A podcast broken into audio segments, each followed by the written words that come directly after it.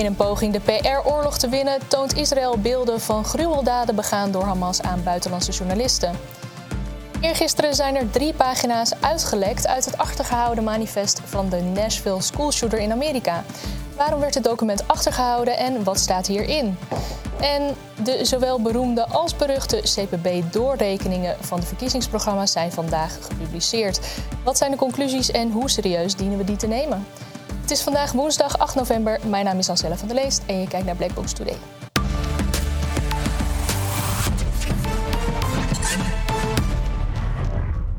Ja, welkom thuis en leuk dat je weer kijkt naar een nieuwe uitzending van Black Books Today. Welkom ook aan mijn gasten. Te beginnen met onze eigen David Boerstra, redacteur bij Blackbox, Hans van Tellingen, politicus en uh, BVNL en ondernemer.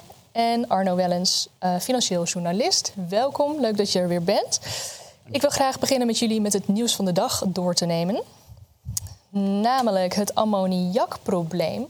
Dat zou grotendeels op te lossen zijn. David? Ja, nou, ik uh, vind het goed nieuws om maar eens een keer mee te beginnen. Vaak is het toch enigszins negatief, maar dit uh, lijkt in, uh, in oplossingen te denken. Deze professor, voormalig professor Dr. Herman de Boer. Nou, met die achternaam zou je kunnen denken dat hij deels bevoordeeld is, beoordeeld is, maar ja, dat kun je van mij ook zeggen. maar deze um, professor die zegt: als je nou gewoon de poep en de pies scheidt dan moet het lukken om uh, het ammoniakprobleem op te lossen. En ik heb me wel vaker afgevraagd van zullen ze dit dan ook echt gaan omarmen? Of zal het dan uiteindelijk toch om die veestapel blijken te gaan en niet zozeer om die ammoniak? Dus ik ben heel benieuwd of dit wordt uh, omarmd. Maar het is in ieder geval een stap in de goede richting, denk ik, voor een probleem dat ons in de greep houdt. Arno? Heel kort vrij. Ik kom zelf van het platteland. Als je kijkt hoe een koe zijn ding doet, haar ding. Hoe gaan we dat... Uh, dus ja, ze hebben gewoon, gewoon één gat en een ja. cloaca en er gaat alles in en uit. Zoals je zo weet, daar kan ik ook niks aan doen. En het is natuurlijk uh, in de stal waar het dan over gaat. Waar op een gegeven moment geavanceerde stallen. En hij zegt van ja, dan moet je dat niet gezamenlijk opvangen, maar dan moet je scheiden. Ah, Oké, okay, nou, ik kom, kom erop De vraag zou dan zijn, is er eigenlijk überhaupt wel een probleem? Nou ja, uh, ik denk dat het een stok is om mee te slaan, dit hele stikstofdossier. Dat, dat deugt van A tot Z niet. Maar als er dan wordt mee bewogen in dat frame en ook dat wordt niet omarmd, dan is het misschien een teken aan de wand dat het toch niet zozeer om ammoniak gaat. Ja, dan gaan we naar omzicht. Uh, namelijk uh, uh, Pieter Omzicht wel of niet torentje waardig. Wint Pieter Omzicht de verkiezingen, dan treedt hij aan als premier van een volgend kabinet, mits hij dat met zijn gezin kan combineren.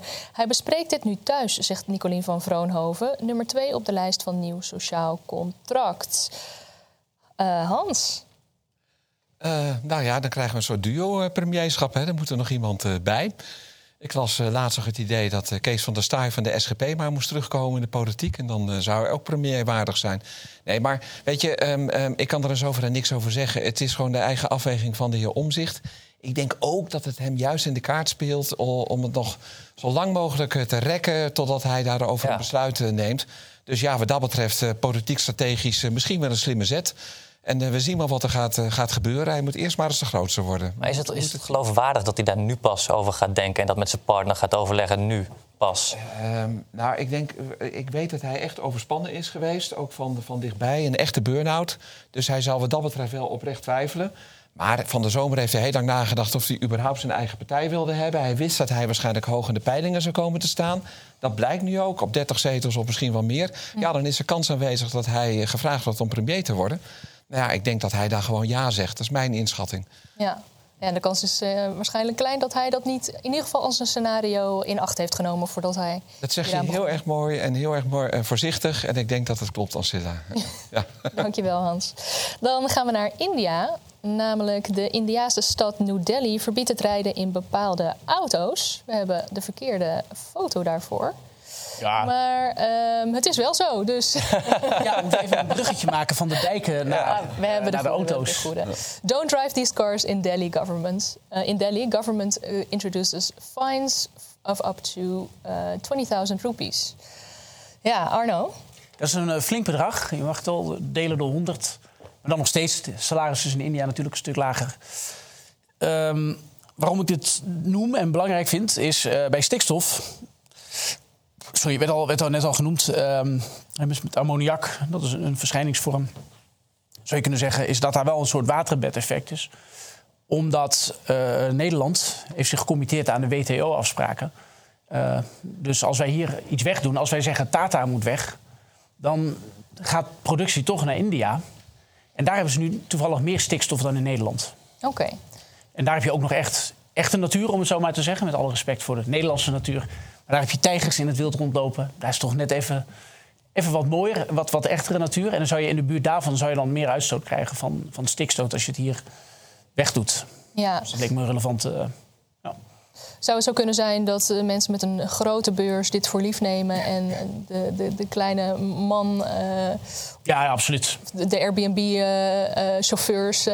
ja, je kent ze in Nederland ook, hè? De, de, de, mensen gewoon met te veel geld. Dat we geen namen noemen, maar ik wil ze natuurlijk de vriend houden. Maar er zijn mensen die boetes in het geheel niet voelen en zeggen: ik, ik doe gewoon en ik. tik gewoon een paar duizend aan boetes af elk jaar of, of, of, vaker. Ik ken mensen die dat doen en die zeggen: ja, ik ga daardoor niet niet, niet minder rijden. Ik heb één vriend, die is, die is heel vermogend. En die pakt altijd de vluchtstrook. Hm. Dat laatst bij mijn auto. En dan zei ik, dat, goh, maar krijg je dan geen boetes?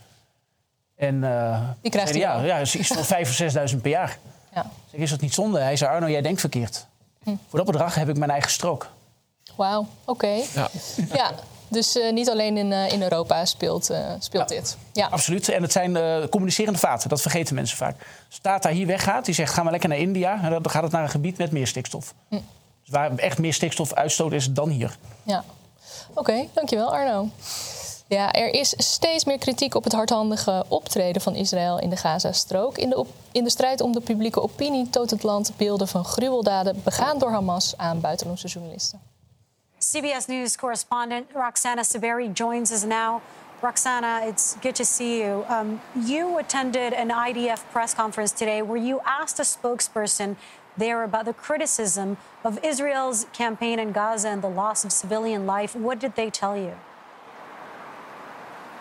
Yeah, I asked an IDF spokesperson, Lieutenant Colonel Hecht, about the civilian casualties in Gaza, now at over 5,000 dead and more than 15,000 injured, according to Gaza's Ministry of Health.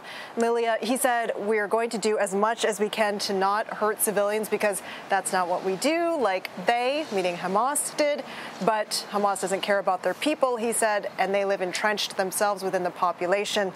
He added, We are not fighting the civilians in Gaza, but this is a very complex situation and will make sure Hamas is eradicated. Now, Israeli authorities and some uh, civilians I've spoken to are very aware of the growing criticism of Israel as images of women and children in Gaza killed and injured have spread across the world. And in fact, the reason for the press conference today was that the IDF was wanted to show international journalists images, uh, many of which had not been released yet, of some of the atrocities committed by Hamas on October 7th here. They were very gruesome images, and uh, the IDF said they wanted to remind people of the enemy that Hamas is and what it's capable of.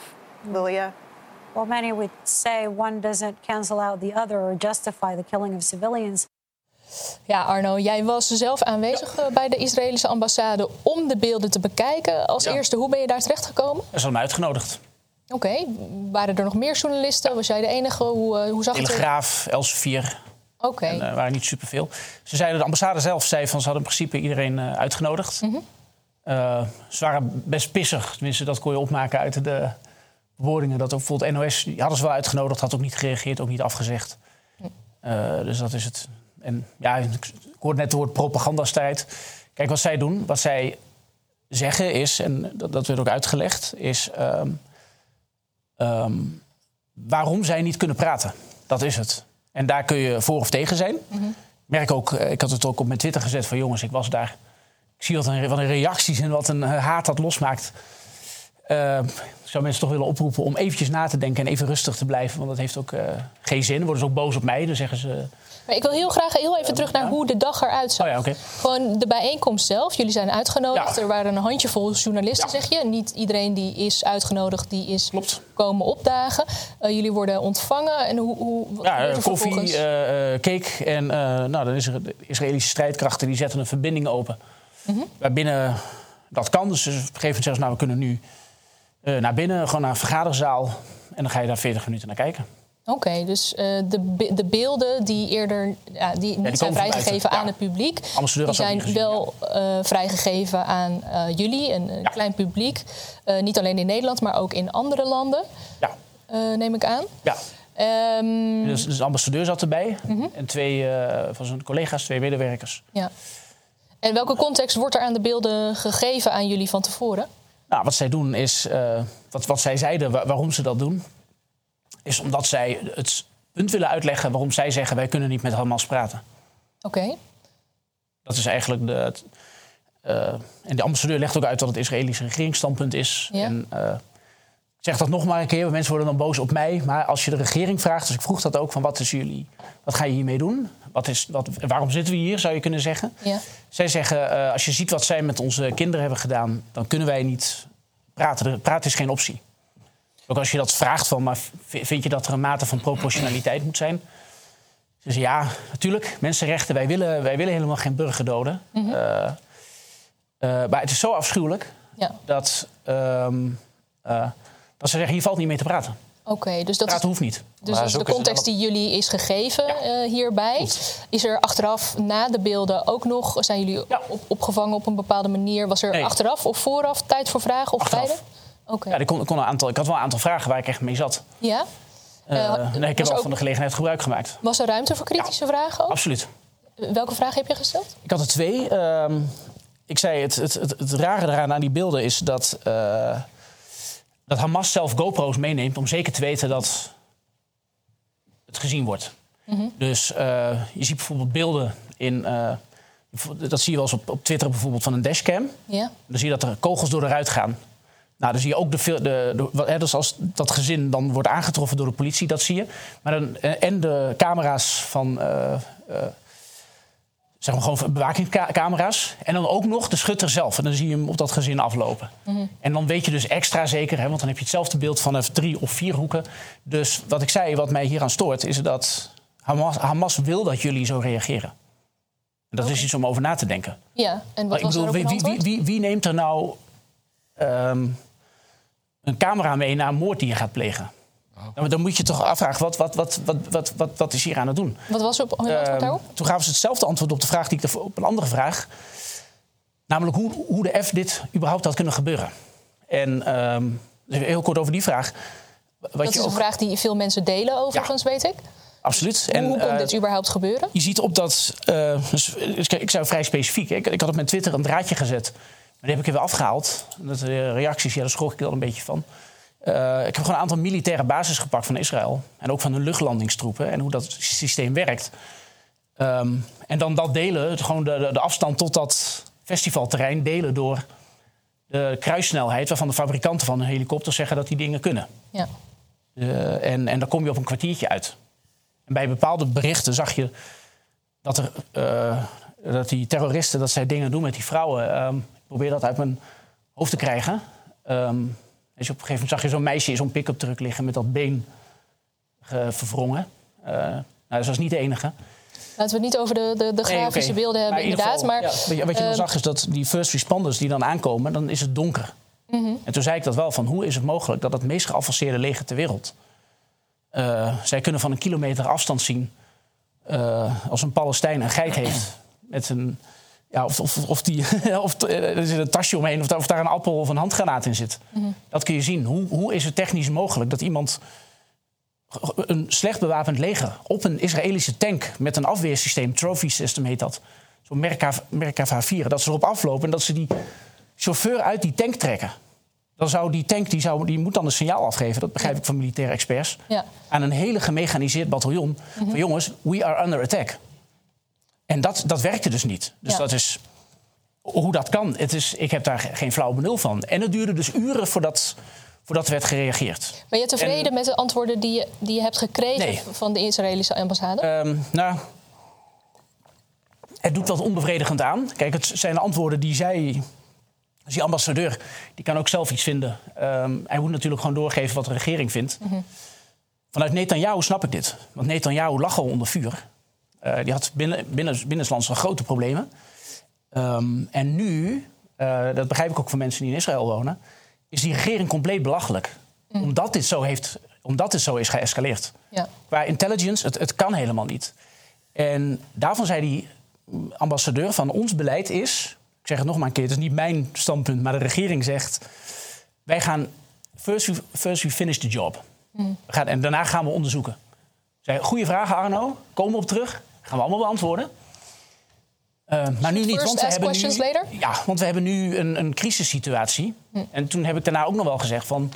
er zullen mensen zijn die daar ook moeilijk mee kunnen leven. Wat dat betreft is het inderdaad een antwoord dat een wat onbevredigend gevoel achterlaat. Ja. Omdat je daardoor, door dat falen... zit je in een bepaalde mallenmolen en in de stroom. En reageer je ook op een bepaalde manier... waardoor waardoor je weer een tegenreactie krijgt. Ja.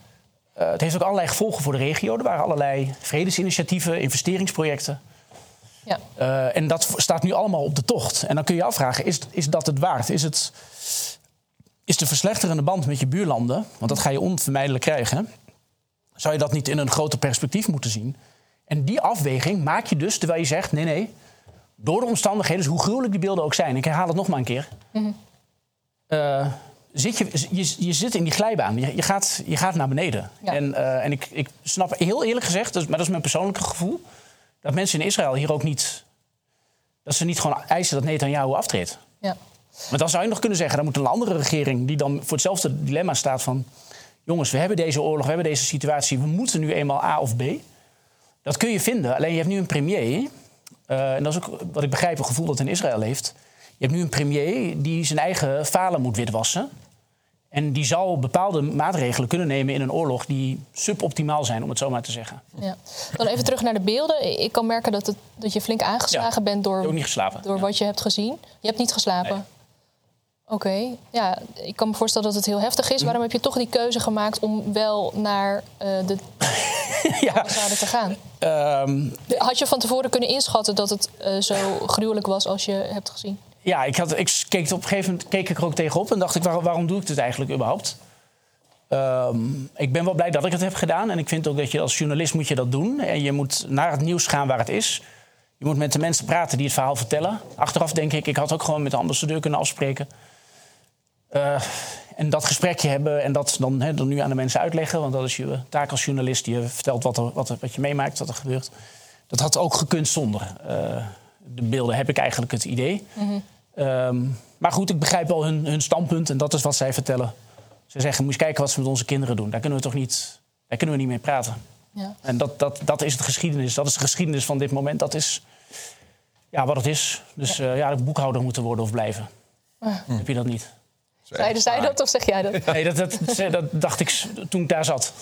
Ja. Dat waarom doe ik mezelf dit aan? Maar goed, ja, het hoort- part of the job. Ja, Hans, eh, jij eh, bent actief bij BVNL. Eh, neemt BVNL ook een standpunt in betreft het eh, Israël-conflict? Wij, eh, wij steunen Israël in de strijd tegen het terrorisme. En op 7 oktober is het daar natuurlijk wel mee begonnen, deze oorlog. En wat ja, Hamas allemaal heeft gedaan, dat is nog gruwelijker dan ISIS en Al-Qaeda ooit heeft gedaan. Eh, echt eh, eh, baby's vermoorden, hoofden afhakken, ze in verbrandingsovens doen. En dan ondertussen wel naar het thuisfront te bellen van... ik heb tien baby's vermoord. Dat heb ik in ieder geval begrepen uit het draadje van Wierduk. Ja, Ja, ja, eh, ik bedoel, alleen al het verhaal de- krijg ik zulke... Ja, Even terug. Ja, ja, dus bij dat context. verhaal alleen al krijg ik al de, de bibbers. Dus als ik het zou moeten zien, ja, ik, ik, ik, als ik uitgenodigd zou zijn, zou ik het wel doen. Maar ik denk dat ik net als Arno dan niet meer slaap. Ik heb één bezwaar, want ja, er staat propagandastrijd. Ja. Ik zou zeggen, eh, noem het inderdaad gewoon... Israël toont de, beden, eh, toont de beelden van wat er daadwerkelijk op 7 oktober is gebeurd. Het heeft niks te maken met propaganda, maar het heeft te maken met eh, het delen van feiten. En die feiten die zijn gruwelijker dan gruwelijk. Ja, daar komen Dat is- we is zo even op terug, inderdaad. David? hoe ze het zeiden ook. Nou, ik denk dat zodra het oorlog is, dat eh, de informatievoorziening van beide partijen direct als propaganda gekwalificeerd mag worden. Ehm betekent niet dat het onwaar is wat men vertelt, maar het is wel propaganda. Ehm, Ja, en- dat hangt af van je definitie. Ja, Ja. hangt er Wat vanaf. propaganda is. Maar, nou ja, dus ja, maar- propaganda kan waar zijn. Dan, Ja, Hè, maar je maakt eh, net een terechte opmerking. Hè, van waarom gaan ze met die dashcams eh, hun eh, oorlogsmisdaden filmen? Jij zei van nou, om een reactie uit te lokken. ja. Maar zou zo'n ambassade dan eigenlijk niet hetzelfde doen? Hè? Door jou die beelden te laten zien. Dat ze een reactie willen uitlokken waarmee ze de legitimiteit van hun reactie op Hamas proberen. Dat zou, dat zou kunnen, maar dat is niet wat er. Laat ik laat zo laat ik gewoon vertellen wat er werd gezegd. Wat zij zeiden is. ehm, eh, als je ziet wat zij met onze mensen doen, daar kunnen wij niet mee praten. Dat, dat is punt. Eigenlijk zou je dat. De, eh, Ja, eh, maar dat, dat is dan precies wat ik zeg. Daarmee wordt dus eigenlijk. ehm, daarmee geven ze eigenlijk aan van wat wij doen is gelegitimeerd, want praten heeft geen zin. Ja, dat zou je zo kunnen zien. Ja. Ja, en, dat, en dat- ik, ja, ik, ik vind het knap dat jij erheen bent geweest. Hè, want ik, ik ben ook te nieuwsgierig als ik uitgenodigd was om dan niet te gaan. Ik Wij zijn niet uitgenodigd, hè, ben-. Wij zijn niet uitgenodigd. Ja. Maar ik zou wel heel benieuwd zijn wat ze dan te vertellen hebben. En ik hoopte dan vooral hè, zo ook kritische vragen Wij te kunnen kunnen niet stellen. praten. En je kan kritische vragen stellen. Ja, maar kreeg je ook antwoorden? Eh, ja, alleen het, het, het antwoord is het antwoord. en het antwoord is dat. En het is het antwoord van Netanyahu. Dus ik zeg nog een keer: het is Netanyahu die zegt. In deze crisis, op dit moment. kunnen wij nu dit, dit soort onderzoeken naar de toedracht enzovoort Ja. niet doen. Maar, Ja. maar Dus overal het krijgt men dus dezelfde dus wij beelden moeten handelen. Ja. En overal is het antwoord hetzelfde. Ja. Dus het eigenlijk eh, volgens een script. We komen zo meteen Er is een nog even- regeringsstandpunt. Ja, dat is we wat komen zo is. meteen nog even terug bij, eh, bij de verdere context eh, hiervan. Eh, wie ook bij, live bij ons in de uitzending is, is eh Huibrecht Bolhuis. Hi Huibrecht. Goedenavond. Goedenavond. Ehm, ja, we hadden het net over de eh, gruwelijke beelden die eh, journalisten hebben bekeken op de Israëlische ambassade. Ehm, kan jij wat context geven als psycholoog over wat het met een mens doet om zulke horrorbeelden, om daaraan blootgesteld te worden? Nou, dat is eh, voor een groot deel afhankelijk ook van hoe je karakterologisch in elkaar zit. Hoe gevoelig ben je? eh, wat is je opvoeding geweest? geweest eh, hoe staat het met je gewetensontwikkeling? Uit wat voor cultuur kom je? Wat voor emotionele ervaring heb je zelf opgedaan?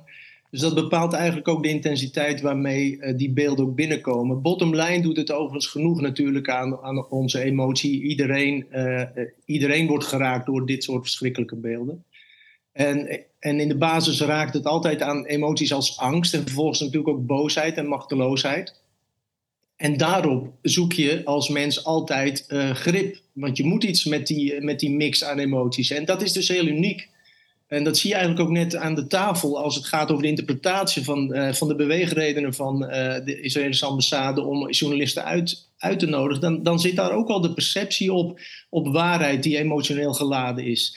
Ehm, en dan, dan zie je dat, je dat je maar een paar mogelijkheden resten in reactie op die emotionele eh, reactie van jezelf. En dat is of meteen eh, veroordelen, partij kiezen voor links of rechts. Of je hebt de optie om breder te willen blijven kijken. En dat is eigenlijk wat het debat aan de tafel bij jullie vanavond ook weer doet. Is dat je vooral blijft zoeken naar een breder zicht op de realiteit. Want ja, daar gaan we het misschien zo nog over hebben. De emotie die verhindert vaak ook eh, goed redeneren. Dus, Ja, want dus wat doet het inderdaad? Eh, zulke emotionele, de emoties die dus komen kijken. Je had het net over angst, boosheid, ehm, misschien een soort radeloosheid ook. Wat doen die emoties die men voelt dan vervolgens met de reden?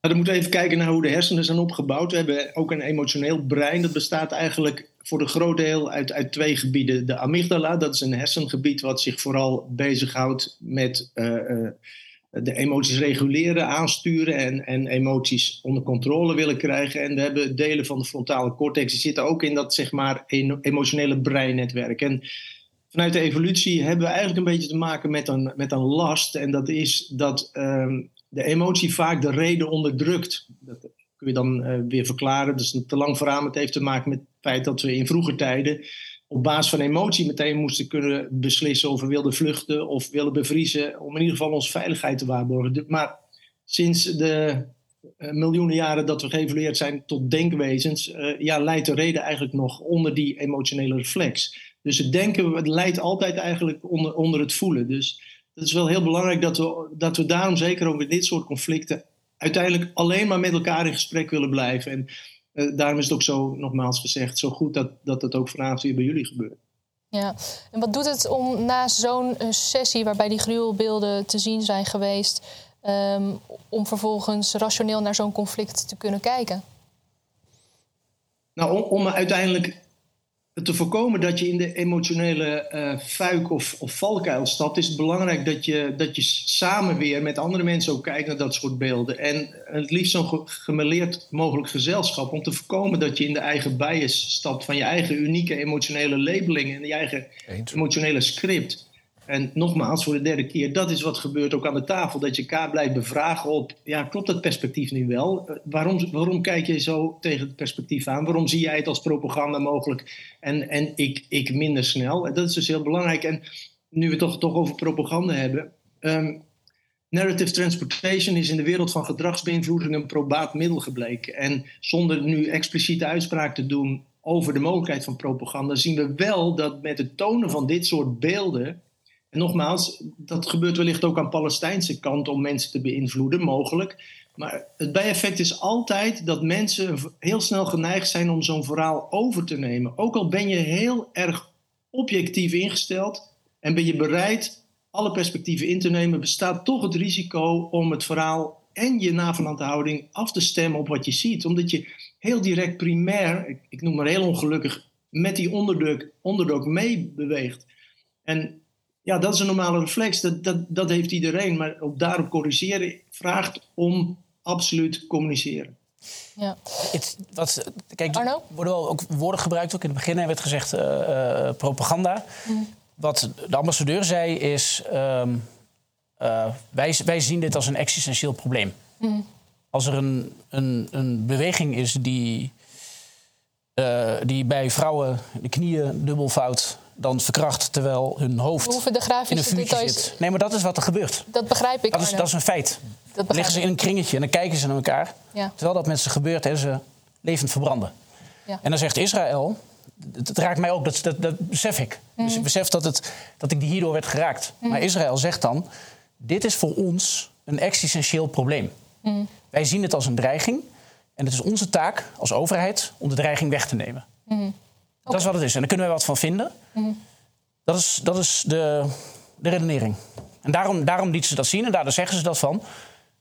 Als mensen dat dan gaan goed praten, van zal het wel meevallen en uh, bij, bij vechten gebeuren er altijd dingen over en weer. Zij zeggen: dit is met onze kinderen gebeurd.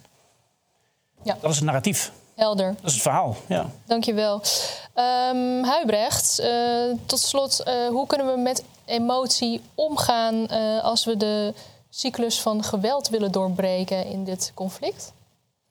Nou, in aansluiting op de woorden van Arno, ik, ik, ik vind het heel authentiek hoe hij heeft gereageerd en, en zeer begrijpelijk. En ik denk dat we dat allemaal op die manier ook zouden zijn als we die beelden zouden hebben gezien. Maar het zegt meteen uiteindelijk ook de enorme valkuil die eraan kleeft om het ene geweld te verabsoluteren boven het andere. Want er, er is maar één basisrecht voor iedereen en dat is het recht op leven. En er is maar één gruweldaad en dat is de andere het leven ontnemen. En ik, ik, ik, ik, ik ben het absoluut eens met, met de banaliteit en de beestachtigheid en de buitensporigheid van de misdaden die, die van een buitensporig terroristisch karakter zijn. Dat is verschrikkelijk. Maar als je het hebt over het zoeken naar een oplossing, is kwaad met kwaad vergelden uiteindelijk nooit de oplossing.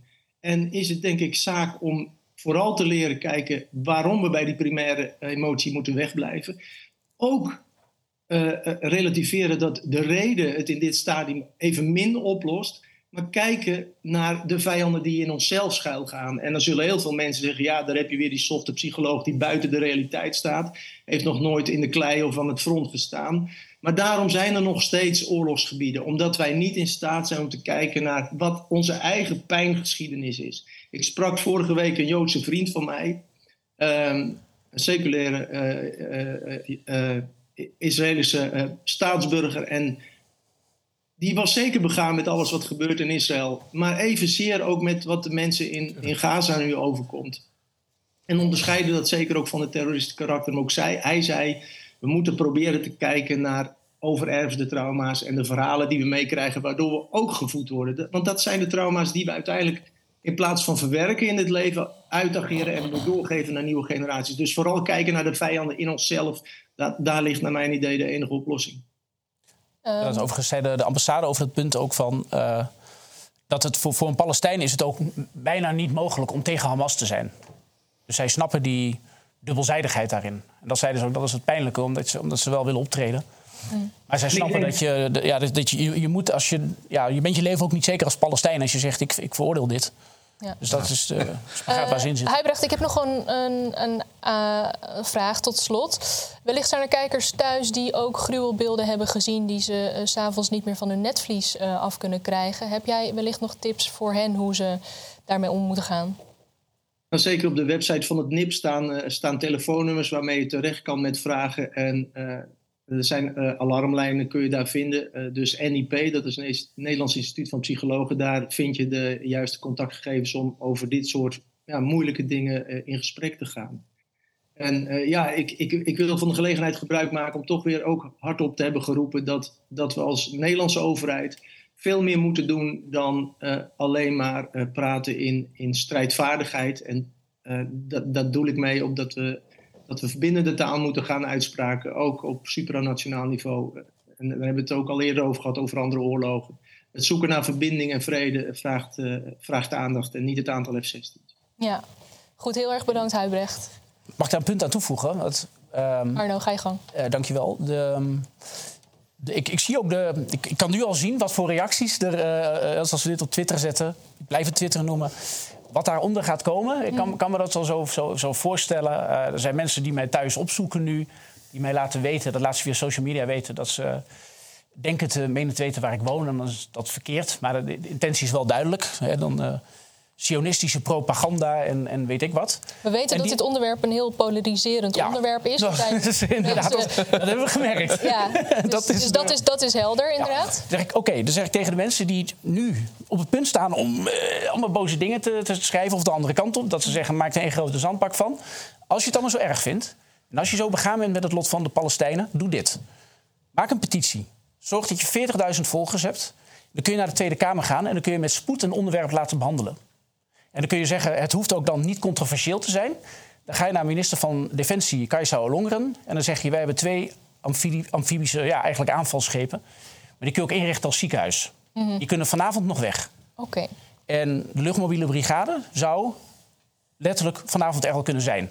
En dan richten ze veldhospitalen op. En de reden dat zij dat niet doen, en dat weet ik van mensen bij Defensie... is dat als zij dit één keer doen... Mhm. Um, dan zijn ze door de capaciteit heen om überhaupt iets te doen. Want elke eenheid moet een medische afdeling hebben. Mm Van de ongeveer twaalf die er moeten zijn, is er eentje functioneel de personeelstekorten. Dat is, het, dat, is het, dat is de kaalslag die bij Defensie is geweest. Dus ik daag Kamerleden uit die zich hier de hele tijd heel fel over uitlaten. Sylvana Simons, Stefan van Baarle. Als je het zo erg vindt, ga naar Kajsa Olongren en vraag van... kunnen wij een veldhospitaal, dat schip of via de luchtmobiele brigade... kunnen wij dat daar vanavond al heen sturen? Zo niet. Waarom niet, mevrouw Longren? Oké. Dat uh, was een mooie tip van je, ja. dankjewel. Ga dat doen, mensen. En niet... Uh, niet naar jou uh, in ieder geval. En al helemaal niet je huis bezoeken. Nee. Dat, dat, werkt ook niet, hè? Ik bedoel, jij kunt boos op mij worden, maar ja. dat, helpt, dat andere, dat helpt. jij bent op de uitnodiging ingegaan van de Israëlische ambassade. Andere media, bijvoorbeeld in België, is uitgenodigd... en heeft deze uitnodiging afgewezen. Um, zoals de Standaard... Um, ze zeggen, horen journalisten thuis in de cinemazalen van het Israëlische leger? Dus uh, jij bent daar wel heen gegaan. Ja, dat is ook een hele stomme vraag, in alle eerlijkheid. Ja? Want na natuurlijk zegt een ambassade, dit is ons standpunt. Ja. Je zou het bij wijze van spreken ook kunnen aanhoren. In een mailtje zou je het ook kunnen doen. Mm -hmm. Maar in feite, zij leggen uit, dit is wat er gebeurt. Ja. En wij willen die beelden ook niet verspreiden... omdat we de gezichten van mensen zien. Ja. Of wat er van over is. Maar dus, zij zeggen, er zijn redenen waarom wij bepaalde beelden niet compleet vrij willen geven. Omdat we wel met familieleden van die mensen te maken hebben. Ja. Uh, tot slot... Dan is het dus geen cinema. Het is geen, uh, het is geen bioscoopfilm. Tenminste, je gaat er niet heen voor je lol. nee, maar cinema is een, een Vlaams woord voor... Uh, ja, voor film. Dus, ja. Nee, um, I know. Maar ja. maakt het niet beter. Maar, nee. ja. ja. Um, tot slot, kijk jij nu anders naar de situatie dan voordat jij um, bij de Israëlische ambassade deze beelden hebt bekeken? Um, ik zeg er meteen bij, wat ik vind is totaal irrelevant. Um, ik ben ook maar doorgeefluik. Um, wat, wat voor mij de eye-opener was... en achteraf realiseer ik me dat dat ook zonder uh, de cinema zeg maar, had gekund... is dat, dat Israël, dat, maar het is Netanyahu die dit doet... Netanyahu die heeft gekozen voor een bepaalde ja, stormramtactiek. Dat is wat de Israëlische regering dus doet. Dus inderdaad eerst eerst handelen en dan daarna onderzoeken en doen en, en, kijken. Je had dat anders kunnen doen, je kunt er wat van vinden. Mhm. Dat heb ik daar geleerd, dat heb ik meegenomen. Ja. En mocht je nou nog een keer dus, uitgenodigd worden voor iets soortgelijks, ga je weer ja, absoluut. in? En ik heb ook, uh, ik wil ook een keer een interview doen, een interviewsessie of reeks. Ik zou ik wou net zeggen, kun je met, leuke beter gewoon in gesprek gaan en echt die kritische vragen stellen en niet weggaan voordat je ik, heb het, ik, heb, ik, ik, had kritische vragen gesteld. Van A, hoe, hoe de F kan dit misgaan? En ten tweede, moet je dan wel zo doorgaan? Wordt het Israëlische leger niet gewoon de val ingelokt? Ik zei letterlijk tegen die ambassadeur, toen hij nog bijna een beetje boos, had ik het idee. Ik zei van diezelfde knuppels die die afschuwelijke fouten, die blunder en die intelligence maken, die gaan nu mensen mobiliseren en die tunnels insturen. Ik, zijn dat, is dat dezelfde kwaliteit? Weet je hoeveel slachtoffers aan beide kanten je dan gaat krijgen? Nou, daar maak en het antwoord van Netanyahu is dus weer...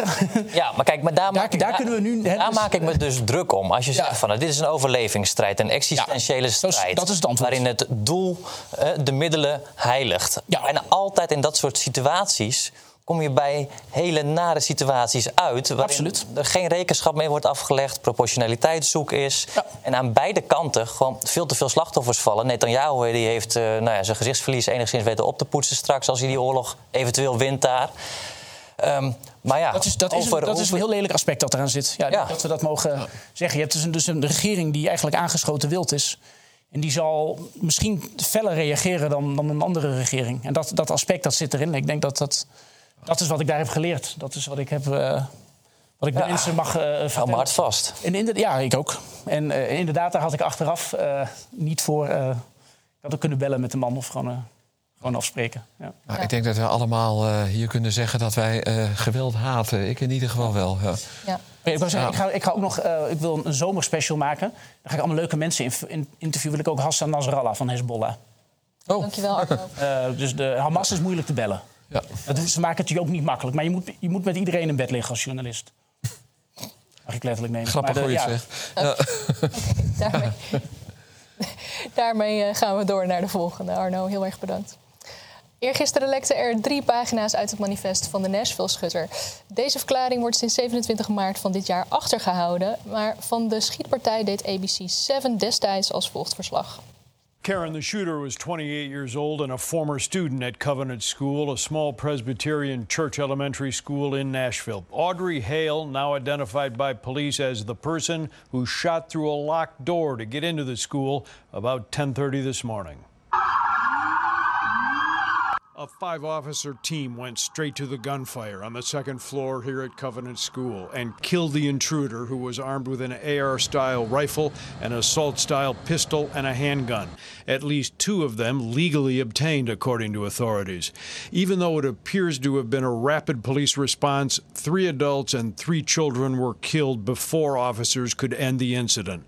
The children, a pair of nine year olds and one child turning nine, and among the adults, a janitor, a substitute teacher, and the head of the school, 60 year old Catherine Kuntz. Police say they found a horrific crime scene. Ja, David, dit was dus in maart van dit jaar in Amerika. Nou vinden er in, in Amerika wel vaker uh, schoolshootings uh, plaats. Dus waarom staan wij hier nu bij stil? Ja, um, inderdaad, helaas. Hè. Uh, dat soort schietpartijen op scholen, dat is geen nieuws meer eigenlijk als het in Amerika gebeurt. Helaas, maar waar. Um, waarom het nu wel nieuws is, is omdat het eigenlijk een afwijkend patroon heeft ten opzichte van al die andere gevallen. Want wat er vaak gebeurt bij die shootings, uh, dan heb je in Charleston Church had je dat, in eh, Buffalo, dan zie je vaak meteen um, wat het motief is. En vaak is daar ook een manifest bij beschikbaar. En uh, de media weet daar al snel de hand op te leggen en dat wordt dan ook gepubliceerd.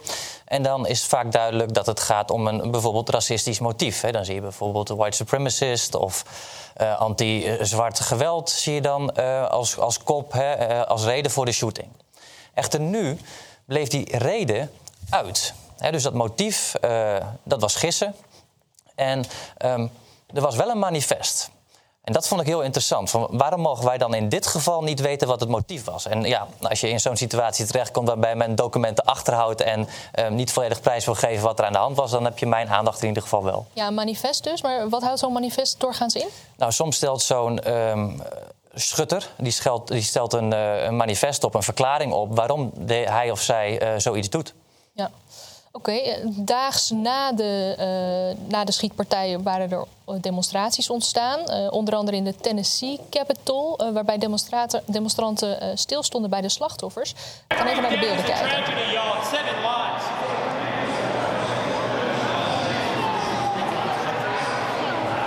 Wat je zegt. Hier mensen met allemaal vingers in de lucht. Wat, uh... Nou ja, allemaal vingers in de lucht. Als je goed oplet, dan zie je dat men daar staat met uh, zeven vingers in de lucht. En dat zeggen ze ook hier. Ze zeggen van, um, deze demonstranten zeggen het ging om zeven levens. Er zijn uh, zeven doden te betreuren. elke dood is een tragedie. Er zijn zeven slachtoffers. Maar dat is eigenlijk een verdraaiing van de feiten. Mm. Want er is één persoon die heeft zes anderen op die school omgelegd. Mm. Die ene persoon was een uh, transgender, Audrey Hill. Maar deze mensen die tellen haar dus erbij als slachtoffer. Mm. Um, en dat is wel echt nou, in mijn ogen wereldvreemd. Hè? Als je zegt van die schutter is onderdeel van het aantal slachtoffers. Nou, dat gebeurt hier dus. Um, maar dat is wel goed om, om ja, even een sentiment te schetsen hoe dat dus zo kan. hoe je dus de, de wereld op zijn kop kunt draaien en die schutter toch nog als slachtoffer kunt neerzetten. Ja. En wat is de reden dat zij, zien ze dat echt zo? Of hebben zij een bepaald uh, doel voor ogen wat ze nastreven, deze demonstranten? Nou, um, dit is de, eigenlijk de far left of de LHBTQ-community, eh, een kleine club afgevaardigden daarvan. Um, maar die zijn op basis van de identiteitspolitiek vaak gewend om een slachtofferkaart te spelen. Alleen dat gaat nu natuurlijk niet op als uh, een transgender op een school zes mensen omlegt. Mm -hmm. Dan gaat dat even niet op. Maar toch doen ze het. En dat vond ik zo stuitend hier. Ja, Hans, ik uh, zie je zuchten. Ja, het is natuurlijk gewoon verschrikkelijk wat er is uh, gebeurd. Dus elk mensenleven telt. En hier zijn er zeven mensen dood. Maar ja, zie de dader niet als slachtoffer. Ik bedoel, die dader die was gestoord, dat mogen we aannemen. Niks met uh, de oriëntatie verder van die persoon te maken. Maar ja, hij heeft uh, wel of zij heeft wel mensen doodgemaakt. Zonder welke reden dan ook. En dat moeten we altijd zien te veroordelen. Ja, over de reden waarom uh, gaan we het zo nog even okay. dieper op in. Mm -hmm. Maar uh, vlak na de schietpartij gaf de lokale politie een, een, persconferentie. Daarin werd onder andere gevraagd naar een eventueel bekend motief. We gaan even naar die beelden kijken. And no motive at this point? Uh, anything discovered in the apartment or house? No, we have a manifesto. We have some writings that we're going over uh, that uh, pertain to this day, the actual incident. We have a map drawn out of how this was all going to take place. Uh, there's right now a theory of that's that we may be able to talk about later, but it's not confirmed, and so we'll we'll put that out as soon as we can. Ja, er was dus al bekend dat er een, een manifest was, maar... Ja, hij zegt dat, hè. Er is een manifest, er is een theorie... en zodra het kan, zullen we het erover hebben. Ja. Dat was 28 maart van dit jaar. Ja, bijna een half jaar geleden. Ja. ja het omgekeerde is gebeurd. In plaats van dat we het erover gingen hebben hoe dit kon gebeuren, wat het motief was en wat er in het manifest stond, hebben allerlei partijen geprobeerd om dit manifest uh, uit het publiek te houden, uit het publieke domein te houden. Dat werd uh, ja, een soort van doofpot. En nu, deze week, volgens mij maandag ergens aan het einde van de dag, kwamen toch drie verschillende documenten naar boven die uit dat manifest zijn gelekt. Ja. Ja, daar komen we zo even bij. Uh, voormalig president Trump uh, heeft eerder uitgesproken dat hij uh, wellicht vermoedde dat er de medische transitie van deze persoon een rol gespeeld zou kunnen hebben bij de daad die hij vervolgens gepleegd heeft. Ja, ehm, die opmerking heeft hij inderdaad gemaakt. Of je dat kunt staven, ik, ik, weet dat niet op dit moment. Het zou kunnen hè, dat medische problematiek hieraan ten grondslag ligt. Hè. Deze um, persoon die liep ook al bij een dokter. Uh, het kan ook zijn dat um, zij daar medicatie voor heeft gehad. Um, echter, waar ik zo naartoe wil, is als je dat manifest bekijkt, dat gaat ook al vrij lang terug. Dus um, het is niet in een moment van verstandsverbijstering gebeurd. Ja die gelekte documenten dus. Kun je ons even meenemen naar hoe die eruit ziet? Er wordt wel spanning opgebouwd. Ja, ja. nou ja, ja laten we de tijdlijn erbij pakken. De, de, uh, zij heeft dus daadwerkelijk zelf gewoon in een schrift opgeschreven... Uh, de tijdlijn van die dag. Dan zie je dat ze s ochtends om 9 uur gewoon uh, gaat ontbijten. Daarna rijdt ze naar de parkeerplaats. En um, ze sluit ook af ergens op die dag met ja, heel luguber, maar time to die. Ehm, dan heb je op die Dev Day ehm, ook weer een omschrijving van wat eh, deze eh, persoon, dame, van plan was. Nou, alleen al dat je het zo noemt, Dev Day. Ehm, maar een heel interessant punt hier is ook dat er staat dat zij eigenlijk ja, blij is, of van geluk spreekt dat ze niet gepakt is. Uh, en de grootste kans daarop was al in de zomer van 2021. Dus daarom zei ik dat net, hè, van een moment van verstandsverbijstering gaat voor mij te ver. Als je al in 2021 hier plannen voor had. Mhm. En ze zegt, ik ben klaar en ik hoop dat mijn slachtoffers dat niet zijn. Ja. Nou, ja, eh, dan tot slot. Ehm, over dat motief gesproken. Nou wil ik wel opmerken, um, hier staat een andere datum boven. Hier zie ik dan dat het gaat om februari. Uh, en in maart vindt het plaats. Maar goed, het is wel vrij kort na elkaar. En als je dan kijkt bij die laatste, bij het onderdeel waar je ook white privilege ziet, terugkomen... Ja, dan schrijft zij op dat ze... Um, kinderen wil vermoorden. Die kaaskoppen heeft het dan over. Hè, die uh, naar hun dure privéscholen gaan. Dit was een christelijke privéschool waar het om ging. Kaaskoppen? Ja, crackers. Oké, oké. Ehm, eh, hun vaders in die Mustangs en cabrioletten. Uh, een aantal scheldwoorden staan. Een aantal scheldwoorden. Uh, flikkers, notabene, vond ik bijzonder. en dan ondertussen tot slot nog ja, met jullie white privilege. Hmm. Maar deze dader was zelf ook blank. Hmm. Dus dat is wel heel opmerkelijk dat dat dan op deze pagina te zien is. En als deze pagina het motief is, dan zou je bijna begrijpen waarom dit uit de media wordt gehouden. Waarom men niet wil dat je dit ziet. Nou, hoe kun je nou nog die slachtofferkaart spelen... terwijl je hier gewoon omgekeerd racisme ziet? Hmm. Als dit gaat om white privilege, als mensen zijn vermoord omdat ze wit waren... dat is gewoon racisme. Hmm. En er staat hier uh, faggots, flikkers. Als je, als je homofoob bent, dat past ook niet binnen die LHBTQ-community natuurlijk. En deze persoon was zelf transgender?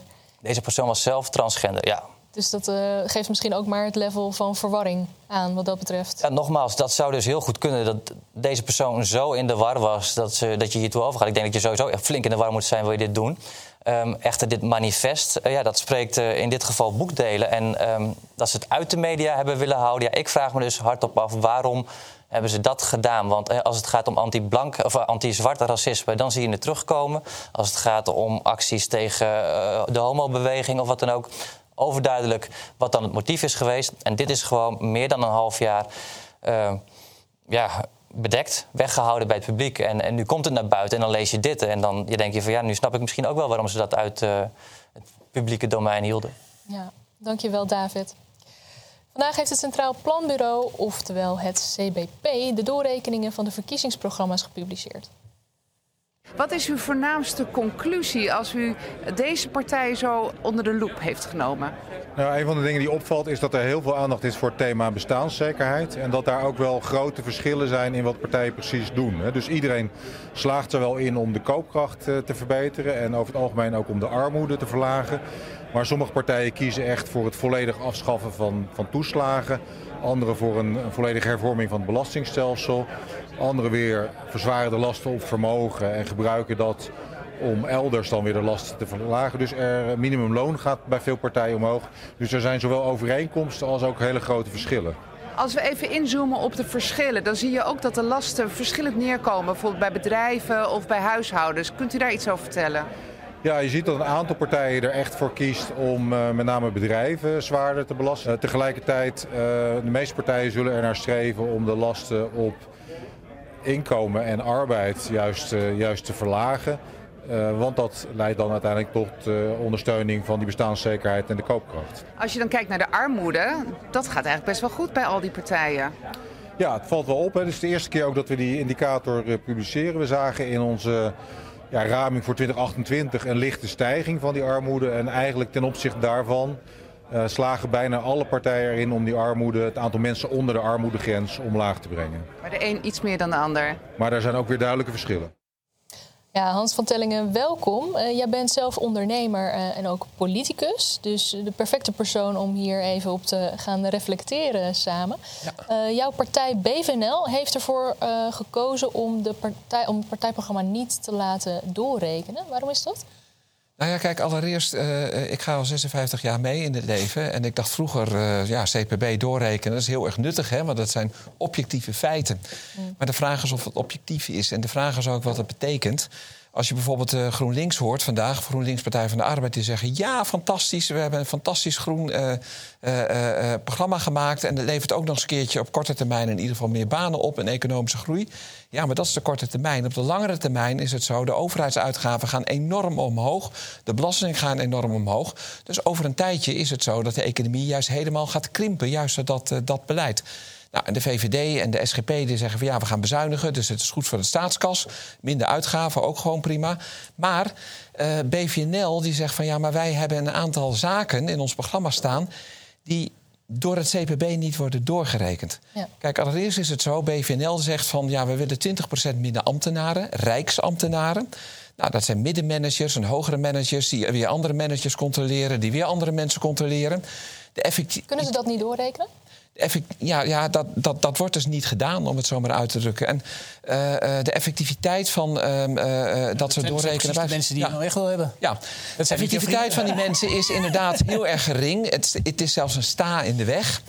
En als die, mensen, uh, als die mensen weggaan, heb je dus een veel krachtvaardiger uh, overheid die ook veel minder geld uitgeeft. Als mensen zeggen, oh het erg, dan verliezen die mensen een baan. Nou ja, in het bedrijfsleven is er werk uh, zat. Dus kom vooral in het bedrijfsleven met een echte baan werken. Overigens, ik ken een heleboel ambtenaren die ook fantastisch werk verrichten, wil ik er ook even bij zeggen. Maar wat BVNL ook nog meer uh, vindt, is dat dat stikstoffonds van 25 miljard. Ja, dat vinden wij eigenlijk gewoon onzin. Want het stikstofbeleid heeft geen positieve, geen grote positieve effecten, alleen maar negatieve effecten. Hetzelfde gaat voor de klimaatregelingen. 35 miljard, die kunnen we ook gewoon bezuinigen. Dus die geven wij niet uit. Nou, dan zou het CPB kunnen zeggen van ja, maar dan wordt het veel warmer. Moeten we de dijken versneld ophogen. Dat is ook een heleboel geld. Maar ja, mensen, we hebben het over. Wij als mensen, ik ben geograaf. Van origine. Mm. Wij als mensen kunnen dat klimaat niet significant beïnvloeden. Het zal de komende tijd waarschijnlijk nog een stukje warmer worden. Maar wij mensen hebben daar geen invloed op. Dus ja, dan kunnen die klimaatregels eigenlijk ook van tafel. En dan kun je gewoon geld mee besparen. Er zijn een heleboel andere dingen waarvan wij zeggen van... daar kun je geld mee besparen. Bijvoorbeeld minder asielzoekers. Uh, een vlaktax willen we invoeren. En op de lange termijn zal dat een veel betere en slagvaardiger... en zuiniger overheid opleveren. En uiteindelijk is ons uh, verhaal uh, kostenneutraal. Of we houden zelfs geld over. Dus geen begrotingstekort, maar een begrotingsoverschot. En dat is waar wij voor staan. Nou, je verkiezingspraatje zit in ieder geval hartstikke ja, je Ik heb geen eens geoefend. Het gaat vanzelf. Ja, ja, ja. Topkandidaat. Ja. Um, maar even terug naar dat CPB dus. Mm -hmm. Sinds 1986 rekenen zij partijprogramma's door, verkiezingsprogramma's. Uh, er zijn partijen die ervoor kiezen om dat wel te doen. Partijen die ervoor kiezen om dat niet te doen. Mm En wat zegt het over een partij of die wel of niet het laat doorrekenen?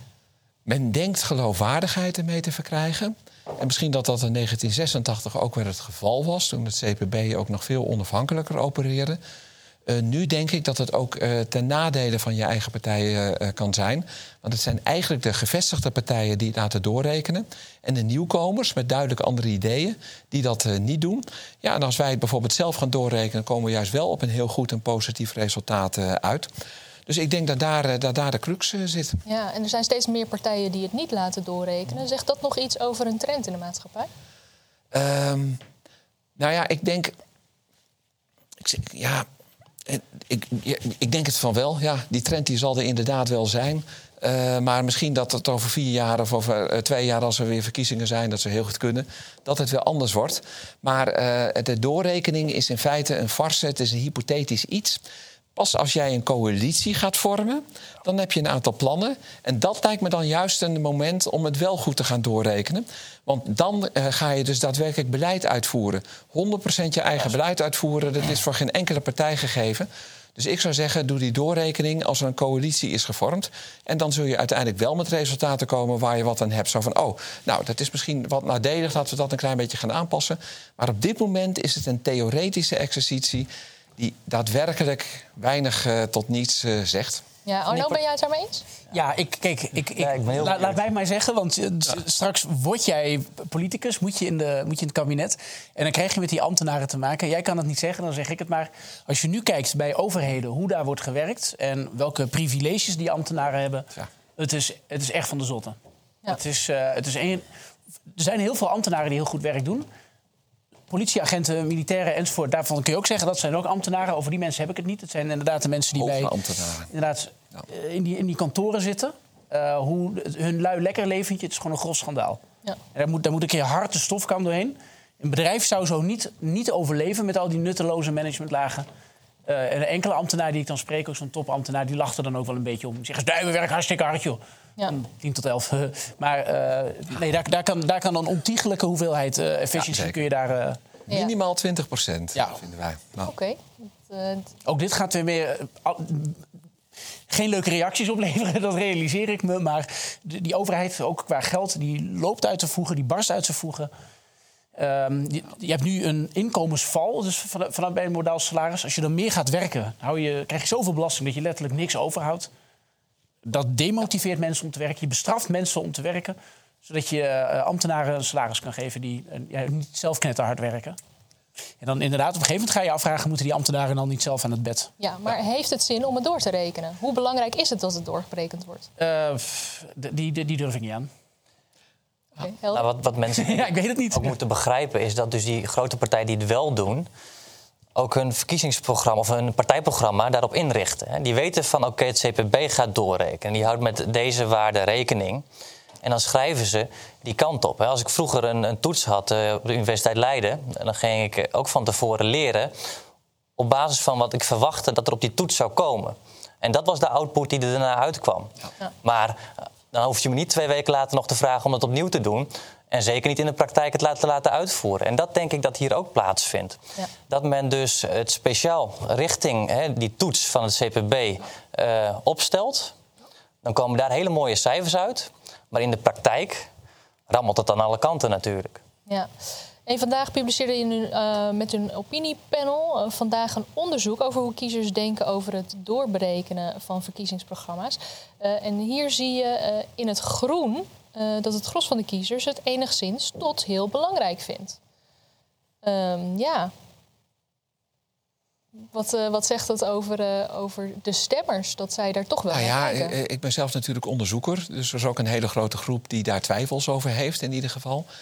Ehm, ik denk dat dit nog een beetje een ouderwets eh, beeld is. Dat mensen niet beseffen. Het beeld dat David eigenlijk beschreven heeft, is dat programma's ook een beetje zijn toegeschreven naar de doorrekening van het CPB. En dat ze er allemaal mee kunnen scoren. Maar uiteindelijk is het eh, inderdaad gewoon partijpolitiek. En heeft het weinig te maken met, eh, met de realiteit. Dus de kiezer snapt het niet helemaal. Is dat wat je zegt? Eh, de, de kiezer snapt in principe alles. Dus eh, eh, daar moet je ook gewoon rekening mee houden. En zeker maar niet Volt. iedereen, gaat al, niet iedereen gaat al die partijprogramma's doornemen. Ik ben wel zo iemand, nou, misschien niet allemaal, maar een heleboel. Ja, en dan kun je op basis daarvan een oordeel eh, geven. Ik denk dat het partijprogramma meer aan moet geven... zo van die kant willen we op eh, met de maatschappij, met de samenleving. Eh, bijvoorbeeld een heleboel partijen nu, maar zeker ook wij. Ja, we moeten het zeker anders doen dan de afgelopen jaren. In ieder geval de afgelopen zes jaar... he- hebben de, beide kabinetten Rutte 3 en 4 en Kaag er een potje van gemaakt. Nou, en dat geeft dan een denkrichting aan met bijvoorbeeld meer vrijheid...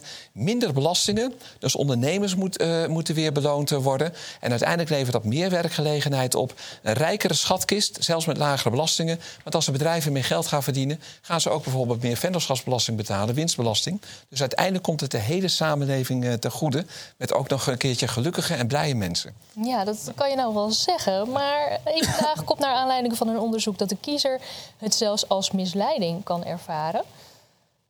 Ehm, ja. Hoe zorg je dan dat je toch het eh, vertrouwen daarin houdt? Ik begrijp je vraag niet, sorry. Eh eh, een, van- een vandaag zegt onvrede bij kiezers over het niet laten doorberekeningen van verkiezingsprogramma's. Wordt, je wordt misleid als, als kiezer. Dus hoe ja. behoud je toch het vertrouwen van de kiezer? Door gewoon een heel goed verhaal te vertellen en een eerlijk verhaal te vertellen, een integer eh, verhaal. Wat je van plan bent met de maatschappij en dus ook met bijvoorbeeld de financiële zaken. Als je dat goed eh, kunt doen, dan denk ik ook dat je vertrouwen wint bij de kiezer. Want je hebt er al een heel lijstje met dingen die je gaat doen. Nou, dat, eh, dat zijn eventjes de redenen waar wij geld op eh, gaan besparen, de onderwerpen. Asielstop, 24 miljard. Ja, nou ja, precies, 24 miljard. Dus in ieder geval een stuk minder asielzoekers. En als die toch komen? Eh, nou ja, ik bedoel, eh, dan kost dat inderdaad geld. Dus je moet het beleid aanpassen. En dan komt het te goede aan de samenleving. Je kunt niet iedereen toelaten. Ik denk dat links en rechts het daar inmiddels over eens is. En dat staat verder los van het feit dat ook ik geraakt ben door mensen die moeite hebben om, uh, om een, een, goed leven te hebben. Dus die moet je natuurlijk steunen. Maar misschien kun je dat beter in de regio oplossen dan dat we dat hierop gaan lossen en dan met z'n allen in Ter Apel gaan zitten. Daar wordt niemand blij van, ook de mensen zelf niet. En, en de EU-bijdrage gaat eraan? Ja, de netto-bijdrage van uh, Nederland bedraagt 6,5 miljard aan de EU. We betalen meer dan dat we ontvangen. Ik vind gewoon op zijn minst dat dat naar nul uh, moet. Ja. Dus ook dat is, uh, dat is een onderwerp. En weet je, als het over de Europese Unie gaat, moet je af en toe ook nee kunnen zeggen. Dan zijn er van die mensen, ja, maar dan word je eruit gekieperd. Onzin. Nederland is een wereldmacht, een economische wereldmacht. Als wij een keertje nee zeggen als het niet in het belang van Nederland is...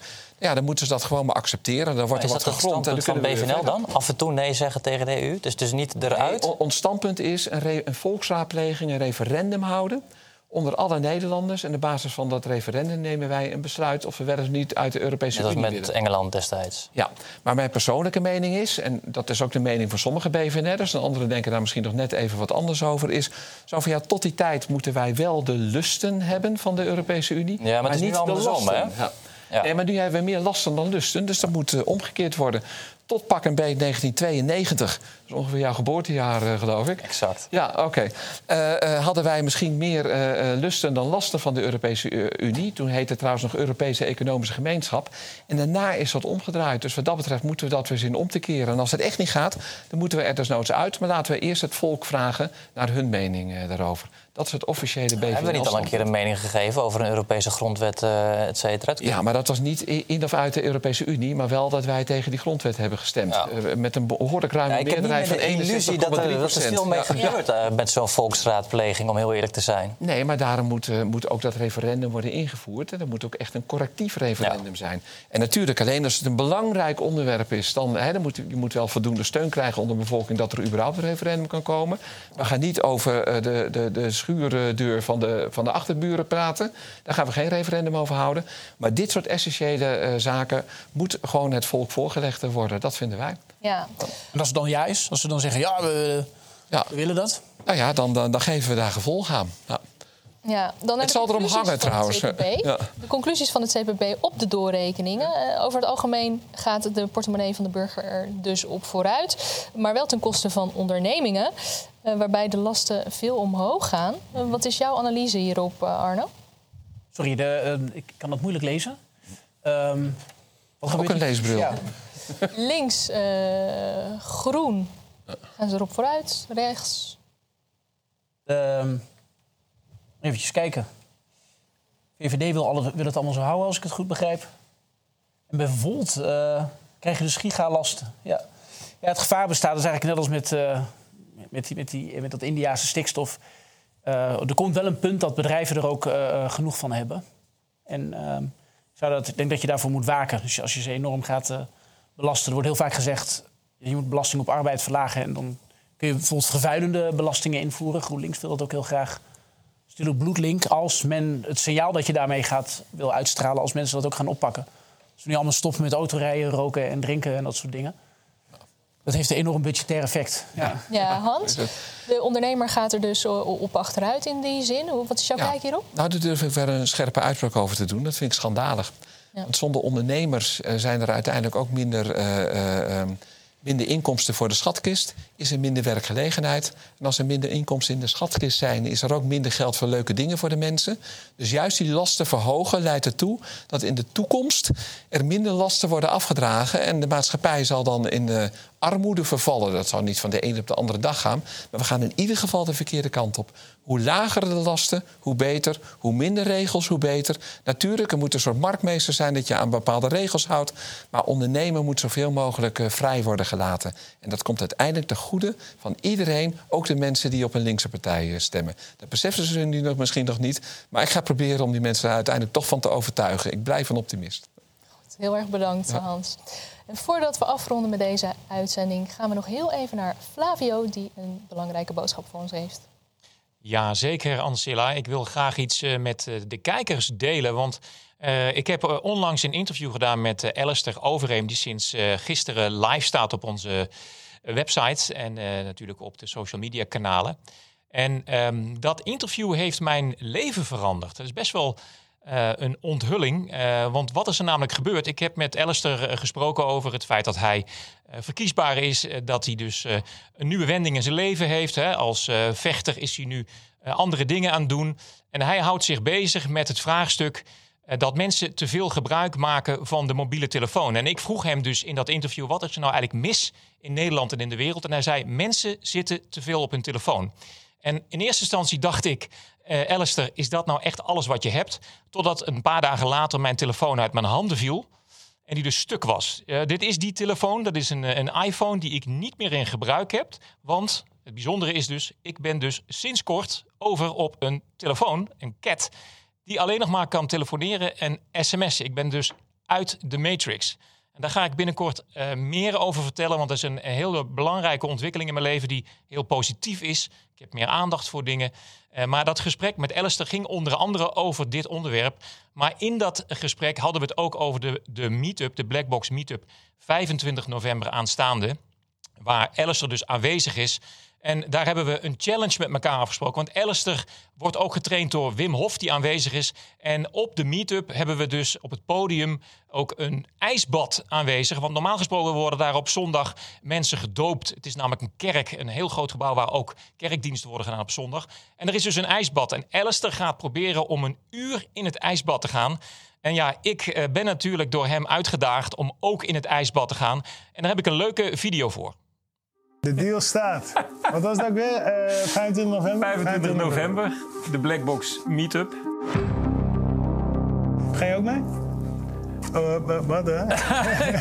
dat, ik zit wel eh, regelmatig in het water hier in, in het IJsselmeer. Maar dat is natuurlijk nog steeds plus. Hij gaat het doen. Misschien moet, ik het, misschien moet ik het wel doen, doen ja. kan niet achterblijven nu, hè? Alistair Overeem, wat doe je me aan? De deal staat. Wat was dat weer? Uh, 25 november? 25 november, de Blackbox Meetup in uh, gebouw 055 in Apeldoorn. Je kan op de website een ticket bemachtigen. Het wordt een heel bijzonder, heel veel interessante sprekers. En dus een ijsbad. En ik heb me dus net laten overhalen dat ik dus ook erin ga. Ik moet het nog even verwerken. Wim Hof is er ook. Uh, kijk even op onze website wat er nog meer is te beleven. En Alistair, tot 25 november dan.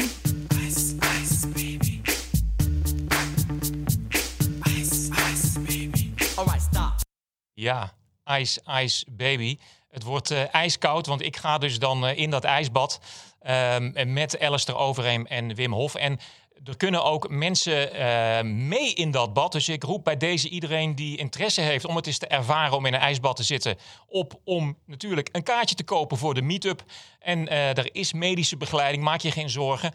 En Wim Hof is erbij om je natuurlijk daardoorheen uh, mentaal te coachen. Maar als jij denkt, ik wil het een keer meemaken, zorg dan dat je, ervoor dat je erbij bent 25 november. Maar ik wil graag ook eventjes een beetje meer duiding geven over dat event. Hè, want er is echt een heel groot programma. Ik noem het even op. We gaan het hebben over mediacensuur en cancel culture met Arnold Karskens.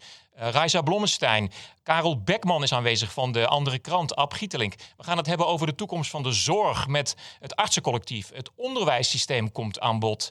Het belasting betalen, is dat terecht of is dat diefstal? Privacy, bitcoin, de verkiezingen, de uitslag met Maurice de Hond wordt besproken. En de eindtijd met Peter van der Weert. Dat is een uitzending een tijd geleden die heel uh, bijzonder uh, goed gescoord heeft. En daar gaan we nog een verdiepingsslag over maken. Maar ook virus versus terreintheorie. Ik had vandaag Theo Schetters nog aan de, de telefoon, een immunoloog. En die gaat in debat in gesprek zou je kunnen zeggen met dokter Maarten Klatten. Een man die dus de andere kant van het verhaal wil uh, belichten, de terreintheorie. Het is namelijk een mythisch verhaal dat uh, Louis Pasteur, de man die staat voor de virustheorie, op zijn sterfbed zou hebben gezegd: C'est n'est pas le grain, le vaccin, wou ik zeggen, c'est le terrain. Dus het terrein.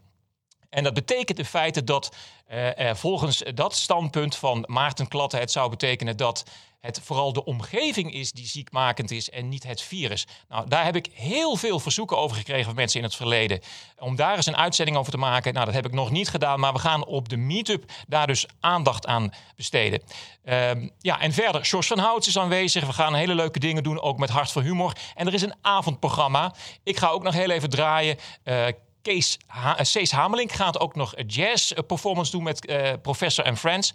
En als afsluiter ook superleuk de laatste act, de DJ Jean act. DJ Jean, de wereldberoemde DJ, komt ook een performance geven tussen 11 en 12.